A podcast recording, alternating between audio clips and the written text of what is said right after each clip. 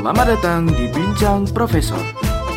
Bukan percakapan antar orang-orang terpelajar, melainkan perbincangan di balik profesi orang di sekeliling kita. Dipandu oleh Harry dan Afdar dari kami, Stand Up Komedi Ciparai. Inilah Bincang Profesor.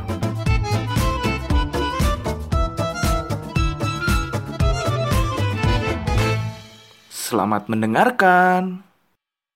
Assalamualaikum warahmatullahi wabarakatuh. Kembali lagi bersama kami podcast Bincang Profesor.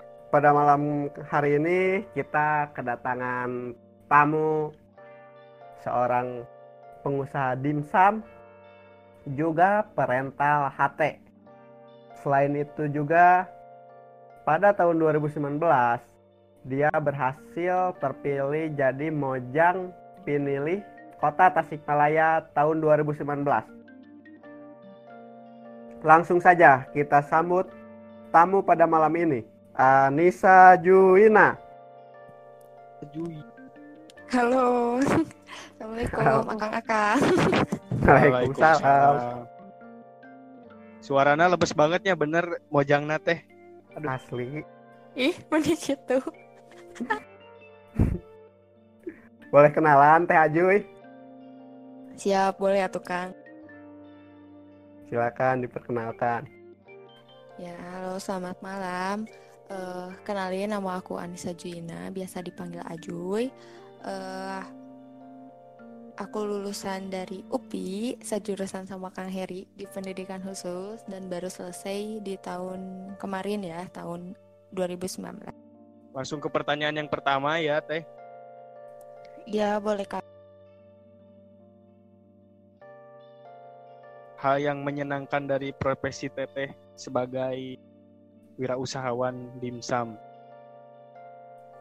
Eh, hal yang paling menyenangkan itu ya apa ya karena ini kan aku pertama pertama kali lah termasuk pemula ya di, di bidang wirausaha ya mm, senang aja gitu ketika dapat orderan terus eh, konsumennya suka itu bikin kepuasan tersendiri dan itu bikin kayak aku mikir oh iya berarti eh, nanti harus lebih melayani dengan baik lagi. Terus nanti kalau misalkan ada salah harus eh, cepat-cepat diperbaiki biar konsumennya suka.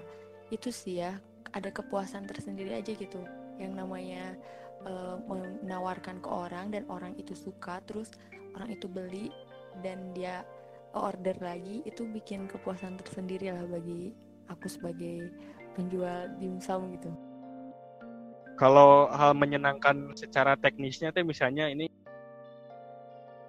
kukus ada hal yang men- kalau misalkan di teknisnya eh, ya seneng sih kalau mi- misalnya apa ya ada yang pesen harus kukus dulu harus goreng dulu terus kadang harus ambil dulu stoknya gitu kan.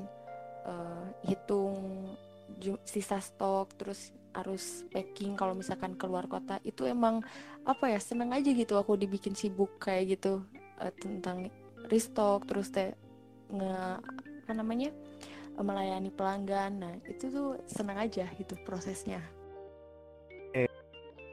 So- hal-hal yang tidak boleh dilakukan selama menjalankan profesi penjual dimsum itu gimana Joy? Hal yang tidak boleh itu mungkin kita tuh karena kan konsumen itu nggak sama semua ya. Ada yang Iya. penas jiwa penasarannya tinggi, jadi dia tuh nanya-nanya terus dan itu belum tentu eh, jadi gitu kan ordernya. Belum Nah, tentu beli. Jadi ya kita ya harus sabar aja jangan sampai naik darah. Jadinya si konsumennya kapok kan nanya-nanya gitu. Jadi eh, hindarilah eh, apa jawaban yang membuat konsumen tuh merasa kita tuh ketus gitu. Jadi jangan jangan sombong, jangan ketus layani dengan baik. Terus kalau misalkan ada konsumen yang komplain karena nggak suka nih, nggak enak ya kita jangan ngotot juga gitu enggak kok enak nah jangan sampai kayak gitu jadi harus menerima saran dan kritik dari konsumen juga terus ini nih paling ini ya di pemasaran tuh karena kan aku sistemnya online jadi jangan sampai kita vakum gitu jadi uh, harus terus update konten dan kontennya itu terserah gitu mau konten jualan atau pengetahuan dan lain sebagainya lah pokoknya si akun ya, Instagram gitu ya kalau aku aktifnya di IG jadi akun itu jangan sampai kosong atau sehari itu nggak update gitu sih yang aku rasain. Hmm, udah berapa lama Joy usaha dimsum? Uh, kalau di dimsum itu baru dari bulan kemarin sih Kang, jadi masih baru, baru sebulanan. gitu. Iya benar baru sebulanan. Selama sebulan itu pernah nggak ada pelanggan yang komplain? Kalau komplain sih enggak, cuma lebih ke kayak apa ya? teh uh, aku minta dong sambalnya agak banyak kan padahal itu perasaan udah banyak gitu ya tapi ya yang namanya konsumen ya terus ada juga yang mungkin si rasa dimsumnya itu nggak cocok itu di lidah dia. Jadi ada teteh kok ini agak ini ya agak, agak asem gitu. Padahal ketika aku coba gitu ke konsumen yang lain enggak mungkin itu nggak cocok sih. Paling eh, kendalanya Biasana, itu uh, konsumennya itu mah biasa nuang bakso tahu merenannya. Parah. Kan dimsum. Somai. Gitu. Somai. Biasanya karena somai tapi itu bikin deg-degan lanjut dar. Pertanyaan selanjutnya dar. Adakah hal yang kejadian unik atau lucu selama teteh melakukan wirausaha dimsum itu? Uh, unik lucu belum nemu sih ya. Karena kan aku masih baru cuma kemarin hmm. itu sempat uh, itu yang konsumen itu teteh kok ini agak basi? gitu ya agak asem gitu. Pokoknya itu kan karena aku baru baru sebulan ya belum ada yang pernah komplain gitu ya selama hmm. ini enak-enak aja gitu. Aku tanya tuh sampai aku ini cobain satu-satu dimsumnya aku nggak nggak ada yang basi gitu ya? Terus asem katanya. Jadi jadinya kan ke aku jadi sugesti. Udah deh hmm. karena ragu aku bagiin tuh dimsumnya ke teman-teman deket aku. Terus ke ownernya juga cobain deh dimsum di aku tuh emang beneran asam atau emang gimana gitu ya? Atau cita rasa takutnya karena aku udah keburu takut sama omongan dia yang asem jadi sugesti ke aku nyoba jadi asem kan. Nah ternyata uh, kata teman-temanku enggak kok rasanya masih enak katanya. Terus uh, apa nggak nggak ada yang asam katanya. Emang emang ini ciri khasnya rasanya kayak gini gitu. Oh dari sana udah dia tenang lagi. Hampir berapa ya? Dua harian gitu. Aku nggak nggak terlalu intens untuk nawarin dimsum karena kan takut. Nah itu mungkin sih pengalaman yang uh, kemarin baru banget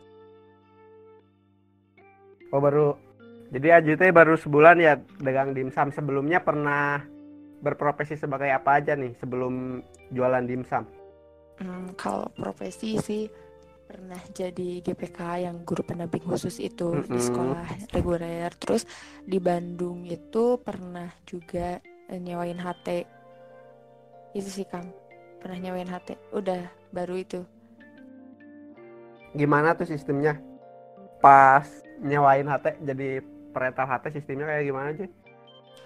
Kalau sistemnya itu kan sebetulnya aku nggak punya sendiri sih ya unit HT-nya cuma ada orang yang mempercayakan nitip HT 10 di Bandung jadi sistemnya kayak persenan gitu Kang misalkan yang punyanya itu uh, dapat 70% nah ke aku 30% gitu plus kalau misalkan ada ongkir atau mau dianterin si kliennya itu ongkirnya masuk ke aku gitu sih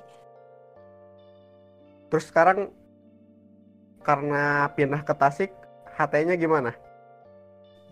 HT-nya aman. Aman. HT-nya aman. uh, rental HT-nya aku titip, oh, enggak titip sih. Jadi uh, boleh sebut nama?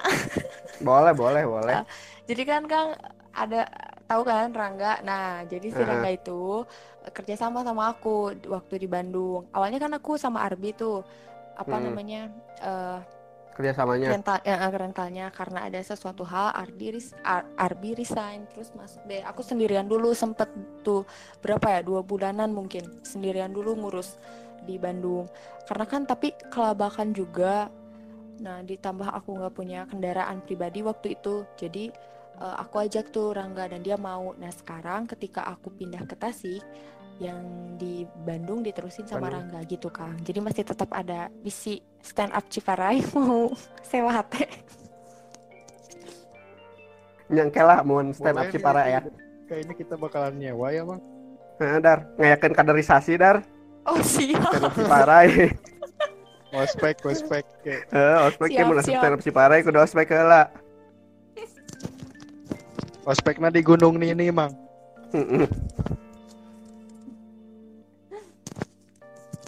Oh jadi sekarang dipegang Rangga hatenya.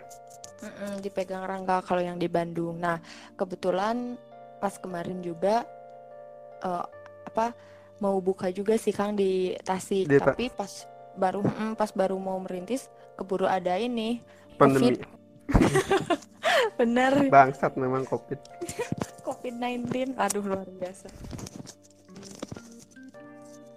Selama ngerental HT di Bandung biasanya klien-kliennya dari mana tuh Joy? Banyak Kang mm, kalau mayoritas sih di kota Bandung ya. Cuma ujung-ujung semua pernah ke di mana sih tuh Margahayu. Terus tuh yang Telkom tuh apa sih? Dari Telkom. kolot, Bojong Soang dari kolot. Soang. Ah, itu ke sana pernah. Terus mana lagi ya? Ujung-ujung Cimahi. Terus Ya. kalau daerah kabupaten belum deh. Maksudnya daerah-daerah kota Bandung aja sih, cuma yang ujung-ujung kayak gitu. paling jauh itu. Awal awal mula awal mulanya gimana Joy bisa kepikiran buat jadi pengusaha rental HT? Asas kebutuhan sih, Kang. Jadi kan dulu tuh tingkat akhir. Mm-mm.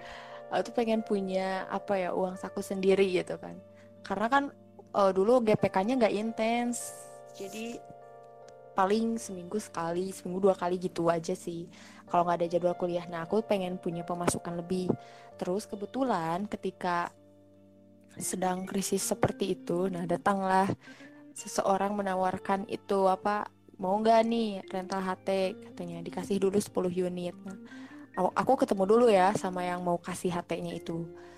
Udah tah, udah dikasih. Aku jalan dulu beberapa bulan, sempat sepi dulu sih. Selama se- sekitar satu bulan tuh sepi dulu. Nah pas bu- masuk bulan kedua, wah sampai rame dan akhirnya eh, sampai saat kemarin itu 2019 Januari ya terakhir tuh Ya. Udah ada sekitar 50 unit Kang yang di Bandung. Kenalnya dari mana itu sama yang punya HT-nya? eh kenalnya itu dari lewat Arbi, lewat temen aku itu. Jadi dia yang em, apa ya?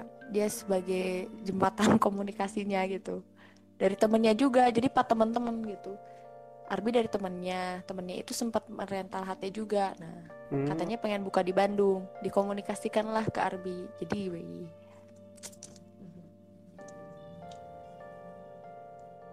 Untuk Ajuy sendiri, sebenarnya waktu kecil cita-citanya pengen jadi apa sih Juy? Cita-citanya, aku sih waktu kecil cita-citanya cita-cita seribu umat ya, pengen jadi dokter. Cuma nggak kesampaian lah. Ya mantap kan? Terus pengen Mantap. jadi insinyur, nggak diizinin. Terus Gara-gara waktu- nonton Sidul. Ah? Kagak. Pengen jadi insinyur gara-gara nonton Sidul. Enggak, ih, enggak. Akang udah nih tau. Nah, jadi eh, pas awal kelas 11 itu kan ada fisika tuh. Nah, fisika aku tuh kebetulan nilainya lagi bagus, lagi hoki aja mungkin ya. Nah, kan jadi seneng tuh. Udahlah, pengennya eh, yang banyak ilmu eksaknya gitu. Jadi pengennya jadi insinyur. Nah, bilang ke mama, oh, ternyata nggak diizinin gitu. Udah deh, ganti. Terus aku pengen masuk ke kesejahteraan sosial, pengen jadi aktivis. Wes mantap. Mantap. gaya. Nah, terus ternyata eh, nggak diizinin juga. Ya salah ya orang tua. Mm-mm. Terus eh, katanya udah jadi guru aja. Nah, guru itu sebetulnya profesi yang tidak aku bayangkan akan aku jalani Sebelumnya. gitu di eh, gitu. Jadi umumnya masa sih jadi guru gitu. Males banget itu kan maksudnya lihat karena aku termasuk orang yang eh, kadang jahil gitu ya ke guru apalagi guru Siun karma ya? Ya itu tasiun karma jadi aja guru apa gitu nah aku cari tuh awalnya guru yang berhubungan baik dengan murid yang nggak apa ya yang tidak menyampaikan materi guru BK nah ternyata di, di BK itu aku ditolak. Jadi masuknya ke pilihan dua ke PKH karena dulu guru BK aku bilang kalau kamu tertarik dengan dunia konseling kamu bisa juga masuk ke pendidikan khusus katanya. Karena di pendidikan khusus juga dibahas konseling. Iya, konseling anak berkebutuhan khusus. Ah, udah pokoknya jadi we masuk jurusan ini. Jalur SMPTN berarti Joy. Mm iya. Jalur undangan. Alhamdulillah, jurusan MPTN. Iya. Terus kenapa pas lulus belum memutuskan jadi guru Joy? Ya karena itu. apa ya eh jadi guru itu kan nggak bisa langsung jadi PNS ya Kang harus jadi honorer dulu nah aku itu eh melihat teman-teman aku yang duluan terjun ke honorer gitu ya Mm-mm. entah yang lain gimana terlihat ada beban tersendiri itu kayak aku harus mengerjakan eh, RPP. apa materi RPP dan lain sebagainya dan aku tidak terlalu suka dengan RPP kayak gitu loh jadi udahlah mending justru aku tertar- lebih tertarik ke GPK karena di GPK itu kan tidak usah memikirkan administrasi paling hanya Mm-mm. progres s- anak tuh setiap harinya bagaimana terus target yang harus anak raih di semester itu, ini itu apa gitu dan nggak tahu sih ya karena aku belum pernah ngajar di SLB sebagai guru honorer jadi aku merasa GPK itu lebih menyenangkan gitu sih Kak. Kembali lagi ke masalah dimsum Joy. oh ya boleh boleh Dimsum itu apa? Dimsum itu makanan dari mana maksudnya? oh dimsum itu makanan tradisional dari Cina awalnya. Awalnya itu makanan apa ya pelengkap teh kayak cemilan gitu loh kan gorengan merenya lah mau di Sunda. Kan gaya gitu di di Cina mah pakai dimsum kemarin gitu sih aku baca-baca dari Cina. Nah, kan Aju teh bojang Tasik nah bet milih makanan tradisional Cina lain tradisional Sunda Tasik eh jualan Eh. bade Jualan. Jualan naon? enggak sih Eh, tradisional Tasik ya kenapa ya Eh, karena kan kalau misalkan makanan tradisional Tasik itu alhamdulillah masih banyak di warung-warung gitu Hmm. Nah, aku mengikuti tren anak-anak sekarang sih. Kayak di Tasik itu kan dimsum itu masih tergolong jarang ya, Kang. Nah, Pasarnya masih lumayan besar gitu kalau aku masuk ke pasar dimsum. Nah, sedangkan di Bandung kan udah banyak. Jadi, ya udahlah nggak apa-apa, cobain aja gitu peluang dimsum. Terus karena gini Kang, kalau misalkan aku jualan makanan tradisional, eh, bukannya nggak mau sih ya, cuma karena banyak di Tasik juga dan pasar aku mahasiswa mereka lebih ter, ter- kayak kayak apa ya? Kayak mereka tuh lebih tertarik ke dimsum gitu. Jadi udahlah. Terus karena dimsum itu aku jadi reseller jadi mem- memperkecil keluarnya modal. Gitulah. Bukan ya aku nggak mau sih tapi emang bagus juga tukang itu sangat eh, menjadi inspirasi buat aku nanti. Buat Tapi ayah- jualan makanan tradisional. Tapi ayah sih aja di Ciparai nu jual cireng tapi aneh. Inovasi cireng tapi aneh. Naon sih Pernah pernah pernah. Eren ningali di Facebook. Ayah ibu-ibu nu jualan cireng isi. Tapi cireng teh cireng cireng isi cibay kumaha coba dengar di konsep teh? Cireng teh acinya cibay ge aci. Naonan biasa ada orang Sunda mah ngagugulung aci. Naonan aci isi Nah, aci.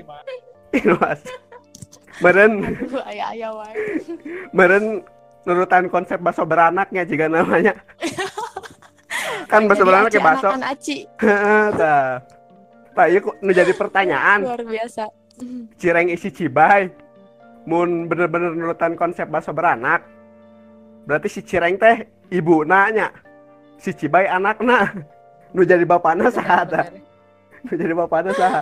Cilor gitu. Bakso beranak aci deh de- aci deh Demek demek aci dina jero beuteung eta kuat pisan. asli cepel betul cepel karunya lambung Asli. cepel kan Halo, halo. halo Afdan? halo eh tadi udah nggak kedengeran ngomong Ente. Oke, Nges nanya mana tadi? Kita balik lagi. Biasa koneksi biasa. siap siap Lanjut pertanyaan, lanjut pertanyaan. Anda. Nah, kan tadi Teteh juga udah bilang ya reseller dimsum nih. Ini untuk jenjang karir ke depannya punya kepikiran gak sih bahwa nanti bakalan punya brand sendiri? Bisa jadi dimsum mojang sih atau mantap kalau kepikiran iya sih sempat kepikiran juga. Cuma kan aku orangnya nggak bisa masak ya kan jadi eh mungkin nanti aku cari orang atau bahkan kerjasama dengan dia lagi sih gitu. Tapi dengan sistem kerjasama yang berbeda gitu ya. Yang harapan ke depannya sih sampai bisa bikin warung dimsum gitu kedai dimsum sederhana yang biasa ada di pinggiran jalan gitu loh yang rame didatangin mahasiswa anak-anak yang nongkrong pengennya sih kayak gitu ingin menyediakan tempat nongkrong yang murah tapi bisa bikin pemasukan lebih gitu ke akunya apa teh di brand dimsumnya? kapan kang sekarang Oh, tadi dah nanya non teh kan. apa ini nggak kedengeran Asli dah kadang aku nanya non dah. Ah, lanjut weh, lanjut weh. tong Isinya goreng. sinyal goreng Lanjut, Mang. Oh, jadi keahlian Ajuy mah di berdagang ajunya. bisa dibilang iya bukan ahli sih masih belajar juga sih kang Nah, konon katanya senadar si Ajuy mah pas yoga aja pas unjuk habis bojang tasik teh nu lain mah nyanyi si Ajuy mah dagang senadar. dagang di panggung dewan juri mangga pilih ayo nu bade dimsum Nah gitu. piraku matak menang ya Asli menang So, mantap. soalnya unik, soalnya unik. Mm-mm, Nggak bosen gak beda. giwai mah bosen. Asli nyanyi nari mah bosen. Ajuy dagang dagang Matak. siap dimenangkan. menang cenah ieu mah nu merean dimsum Asli. Oh, mojang jadi mojang teh gara-gara dimsumnya. Asli bener. dimsum berjasa sekali ya Jadi nah kepikiran daftar mojang jadi. Pas kira awal si Ajoy daftar mojang anjir rasa si Ajoy asli yang mojang ya caka. ngakak Asam ya teu kan pisan. Ruas. Asli asli untuk pisan. asli gak percaya Nah, Ajoy kumaha eh, awalna? Mm-mm. kan itu teh pas udah sidang pendaftaran Mm-mm. itu dibuka itu lupa lagi asal September eh Agustus September lah sekitaran bulan itu. Nah kan bingung ya nggak ada kegiatan gitu GPKD gitulah pokoknya siklusnya asal membosankan gitu. Terus ada pendaftaran moka. Emang dulu waktu SMP SMA itu sempat kepikiran gitu gimana ya kalau misalkan aku daftar Mojang Jejaka cuma ya karena ya kan Kang Heri terangnya abi kumaha jadi ah udahlah asal mau masuk gitu.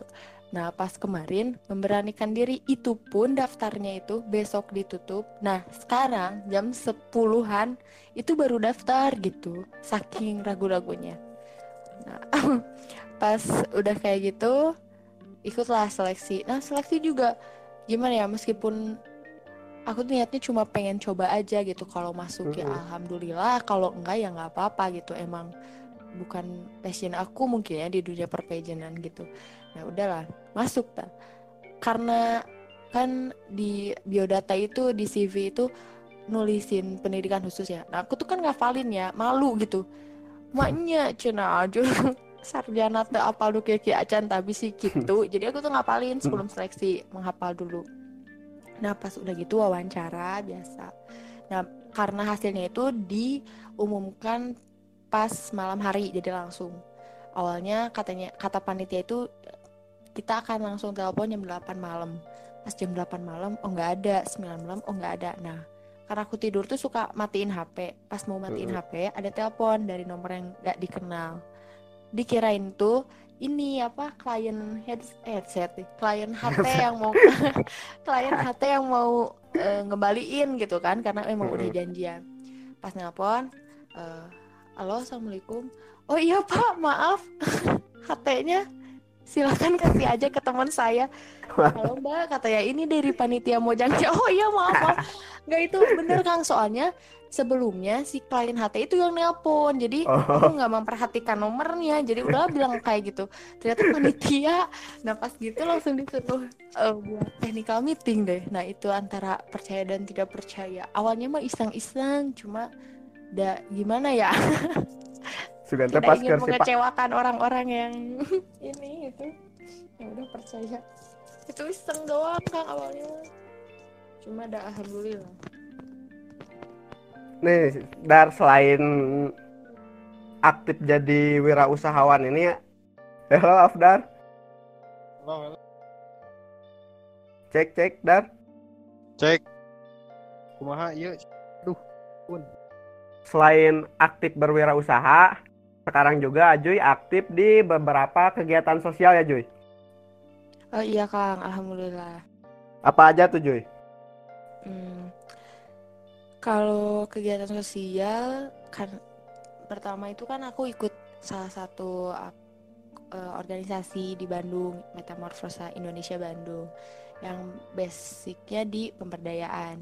Nah, karena program kita yang harus dilaksanakan di bulan-bulan ini terhambat pandemi, jadi Pandemi. kita alihkan itu ke kegiatan sosial. Namanya ada Kobagi. Ini sih yang sedang dilaksanakan sekarang kolaborasi Bandung Berbagi dan kegiatannya itu masih berlangsung gitu. Intensnya di bulan Ramadan tapi insya Allah kita akan perpanjang sampai pandemi ini mereda gitu.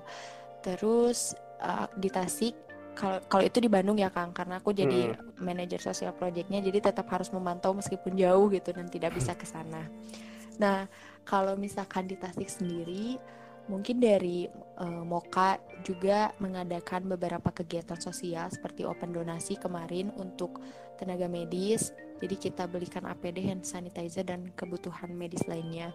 Kemudian kalau kemarin bersama Jabar Bergerak yang itu apa gerakan berbagi nasi bungkus. Terus ada juga eh, berbagi sembako. Nah, itu kemarinnya dari Mujang Jajaka.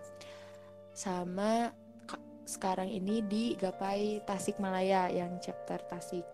Jadi Gapai itu apa gerakan peduli Indonesia inklusif. Nah, tapi yang di Tasikmalaya kita gerak bareng sasarannya sih disabilitas ya Kang. Nah, insya Hmm. Allah hari Senin mau distribusi sembako yang titipan dari donatur ya hasil galang donasi seminggu kemarin. Itu sih Kang kalau kegiatan sosial yang sedang aku jalani saat ini.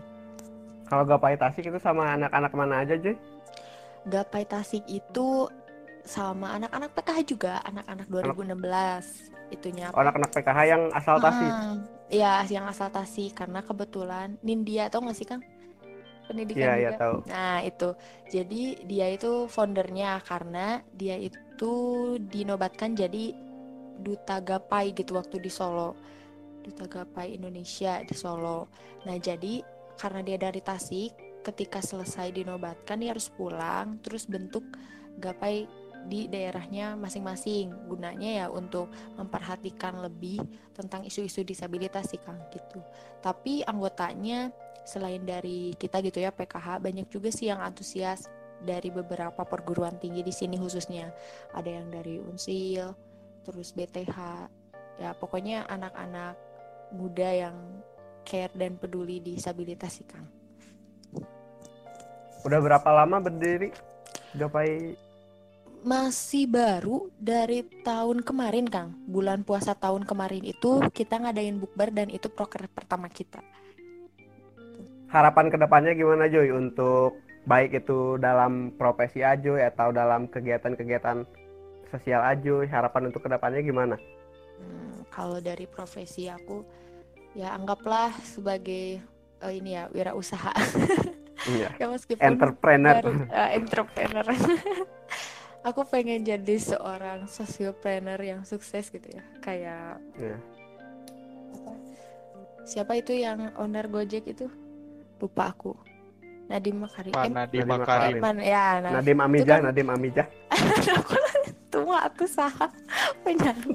Nah jadi eh, eh, jadi aku pengen menjadi seorang socialpreneur yang sukses juga karena selain bisa mengembangkan bisnis ini ke yang lebih pesat lagi aku bisa memberikan dampak sosial yang positif gitu ke masyarakat di lingkungan aku dari hasil usahaku sendiri terus harapannya untuk kegiatan sosial itu tidak harapannya sih tidak banyak anak muda yang lengah gitu ya. Aku harap ke depannya banyak anak muda yang peduli tentang kegiatan tentang keadaan sosial masyarakat sekitarnya. Karena poin positif yang aku lihat saat ini itu pandemi ini justru menghidupkan jiwa-jiwa sosial orang-orang yang mungkin tidak tersentuh sama sekali sebelumnya gitu. Jadi harapannya semoga semakin banyak orang baik yang peduli satu sama lain sehingga bisa membantu dan bersama-sama hidup gitu dalam kesetaraan kayak gitu sih kang. Mantap, mantap. Tuh dar, dangu kan belum teh dar. Sing di imah mana mah dar. Itu orang bergerak, Mang. Naon? Bergerak. Eh kan sekarang Bergerak. rebahan juga amal. Ah, ya. Ada lagi yang mau ditanyakan dar?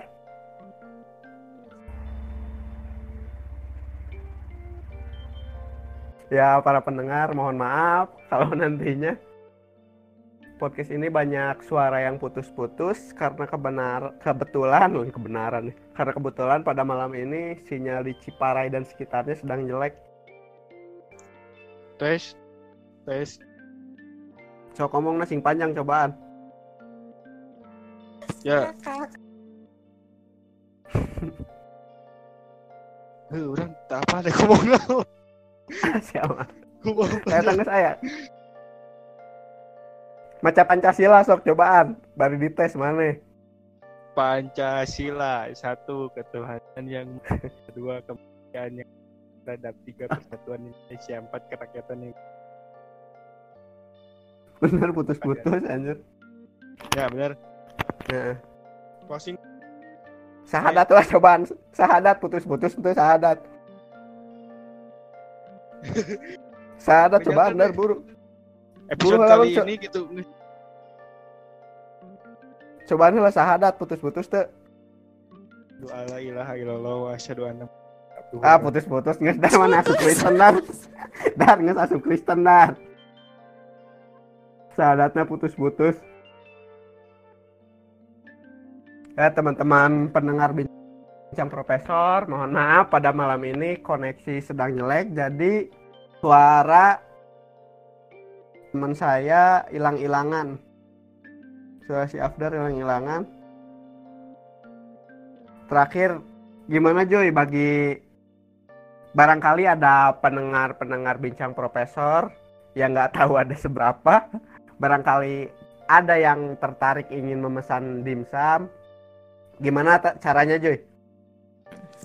Oke, semoga pendengar bincang profesor itu eh, sampai angka satu miliar. Amin amin amin amin. amin, amin, amin. Iya, jadi kalau teman-teman yang mau coba order dimsum, eh, bisa langsung follow aja IG-nya dimsum Tasik. Nah, di sana itu aku tidak hanya memajang dimsum, tapi ada juga bakso khas Tasik, terus ada ayam crispy. Jadi teman-teman bisa cek aja langsung ke IG-nya @dimsumtasik. Nah, bis- kalau misalkan untuk pesan, aku udah cantumin di bio, bisa langsung pesan lewat BM atau WA langsung ke aku gitu. Nah selanjutnya bagi yang ingin berdonasi di gerakan sosial gerakan sosial yang tadi Aji sebutkan gimana caranya Joy? Oh iya, boleh banget. Nah, kalau misalkan ada teman-teman yang tertarik untuk eh, memberikan sedikit rezekinya bagi teman-teman kita, keluarga kita yang membutuhkan, bisa eh, cek aja di eh, Instagram akunnya ada Kobagi. Itu kolaborasi kolaborasi Bandung Berbagi atau bisa tanya-tanya aja ke aku di IG Anissa Jui. Nanti aku kasih rekening atau untuk donasinya. Terus kalau misalkan teman-teman tertarik untuk memberikan sebagian rezekinya untuk membeli sembako bagi disabilitas di Kota Tasik khususnya, bisa juga langsung DM aja ke aku di @anisajui underscore gitu Kang. Terima kasih untuk waktunya malam ini, Joy. Sama-sama, Kang. Terima kasih juga diajak berbincang malam ini. Mohon maaf bila perbincangannya sedikit nggak jelas. Gak apa-apa, Kang. Ini kan sensasi membuat podcast santai-santai. Siap, siap. Ya, mungkin uh, cukup sekian podcast kita pada episode kali ini. Sekali lagi terima kasih kepada Joy dan mohon maaf pada podcast kali ini banyak gangguannya sampai tadi sempat tag ulang. Ajoy juga tadi sempat ikut dulu pengajian gara-gara podcastnya tertunda. Ya semoga lain waktu bisa berjumpa lagi untuk bisa wawancara secara langsung dan okay. bagi para pendengar sekali lagi yang ingin merekomendasikan kita berbincang dengan profesi profesi lainnya. DM IG Harry Kuelme 11 atau IG at Afdarhaf bisa juga ke IG at Stand Up Ciparai soalnya kemarin pas kita live di Nutrisari ada tuh yang ngasih ini Joy. Ada yang ngasih kenapa? saran. Katanya Siapa? bincang katanya bincang profesor coba dong berbincang dengan profesi tukang gali kubur. Eh, itu menarik loh. Ya asli. Semoga semoga pandemi ini cepat berakhir. Amin. Dan kita bisa berbincang secara langsung mungkin di lain waktu bisa untuk selain konten podcast bisa juga untuk konten YouTube. Terima kasih sekali lagi kepada Ajoy. Oke, sekian sekian dari saya Harry dan Abdar si sinyal putus-putus. Wassalamualaikum warahmatullahi wabarakatuh. Waalaikumsalam. Eh, nun pisan juga. Siap Kang, sukses selalu bincang profesor Amin. ya. Sukses oke ajuy gerakan-gerakan sosialna jeng perdimsuman mania. Amin, kade ya. kade order. Siap, siap, siap. Dar mana dar gara-gara sinyal putus-putus wajib order mana dar. Terima kasih sudah mendengarkan podcast ini. Jangan lupa follow Instagram kami di @standupciparai dan subscribe YouTube Stand Up Comedy Ciparai. Hatur nuhun.